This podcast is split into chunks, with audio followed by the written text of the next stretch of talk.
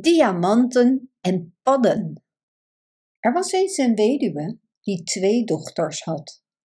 De oudste leek zoveel op haar qua gezicht en humor, dat iedereen die naar de dochter keek, dacht dat ze de moeder zagen.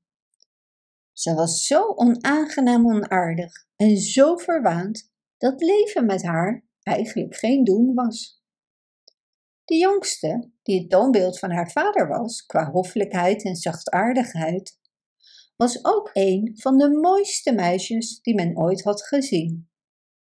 Omdat mensen van nature van hun eigen gelijkenis houden, was deze moeder helemaal dol op haar oudste dochter, maar had ze een afschuwelijke afkeer van de jongste dochter. Ze liet haar in de keuken eten en ze moest voortdurend werken. Dit arme kind werd onder andere twee keer per dag gedwongen om water te halen op anderhalve kilometer van het huis en er een kan vol mee naar huis te nemen. Op een dag, toen ze bij de fontein was, kwam er een arme vrouw naar haar toe. De vrouw smeekte haar te laten drinken. O ja, beste arme vrouw, natuurlijk mag je drinken, zei het mooie kleine meisje uit de grond van haar hart. Onmiddellijk spoelde ze de kruik af, nam wat van het helderste water van de fontein en gaf het haar. Ze hield daarbij de kruik de hele tijd omhoog, zodat ze gemakkelijker kon drinken.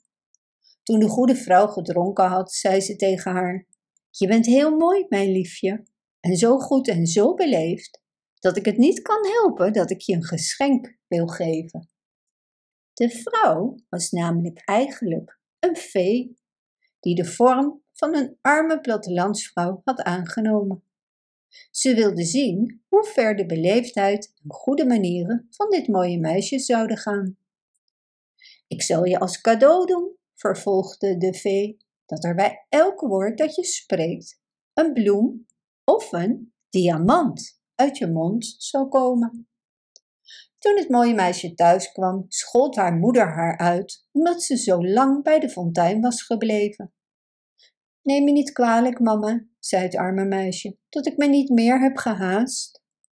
En bij het spreken van deze woorden kwamen er twee rozen, twee parels en twee diamanten uit haar mond. Wat zie ik daar? zei haar moeder hoogst verbaasd. Volgens mij zie ik parels en diamanten uit de mond van dit meisje komen. Hoe komt dit, kind? Dit was de eerste keer dat ze haar kind noemde. Het arme schipsel vertelde haar eerlijk alles. En daarbij kwamen er oneindig veel diamanten uit haar mond. O hemelse genade, riep de moeder. Ik moet mijn andere kind ook daarheen sturen. Kom eens hier, Fanny, en kijk eens wat er uit de mond van je zuster komt als ze spreekt. Zou je niet blij zijn, mijn liefste kind, om dezelfde gave te krijgen? Je hoeft daarvoor niets anders te doen dan water uit de fontein te gaan halen als een zekere arme vrouw je vraagt haar te laten drinken. Geef haar het water, wees verder heel beleefd. Dat zou inderdaad een heel fraai gezicht zijn, zeg, zei deze slecht opgevoede brutale meid, om mij water te zien halen. Je zult toch gaan, brutaaltje, zei de moeder, en wel nu meteen. Het meisje nam de beste zilveren kroes van huis mee en ging al luid mopperend op weg. Ze was nog niet bij de fontein aangekomen of ze zag een dame uit het bos komen die prachtig gekleed was. De dame kwam naar haar toe en vroeg of ze mocht drinken. Nu moet je weten dat dit eigenlijk de fee was die aan de zus was verschenen. Maar ze was nu gekleed als een prinses en had een koninklijke houding aangenomen om te zien hoe ver de onbeschoftheid van dit meisje zou gaan. Ben ik soms helemaal hierheen gekomen, alleen om jou van water te voorzien? Dat hoop ik toch niet, zeg, zei de trotse brutale meid. Ik moest de zilveren kroes zeker puur en alleen meenemen, omdat je een dame bent. Maar je mag er wel uit drinken hoor. Doe maar waar je zin in hebt.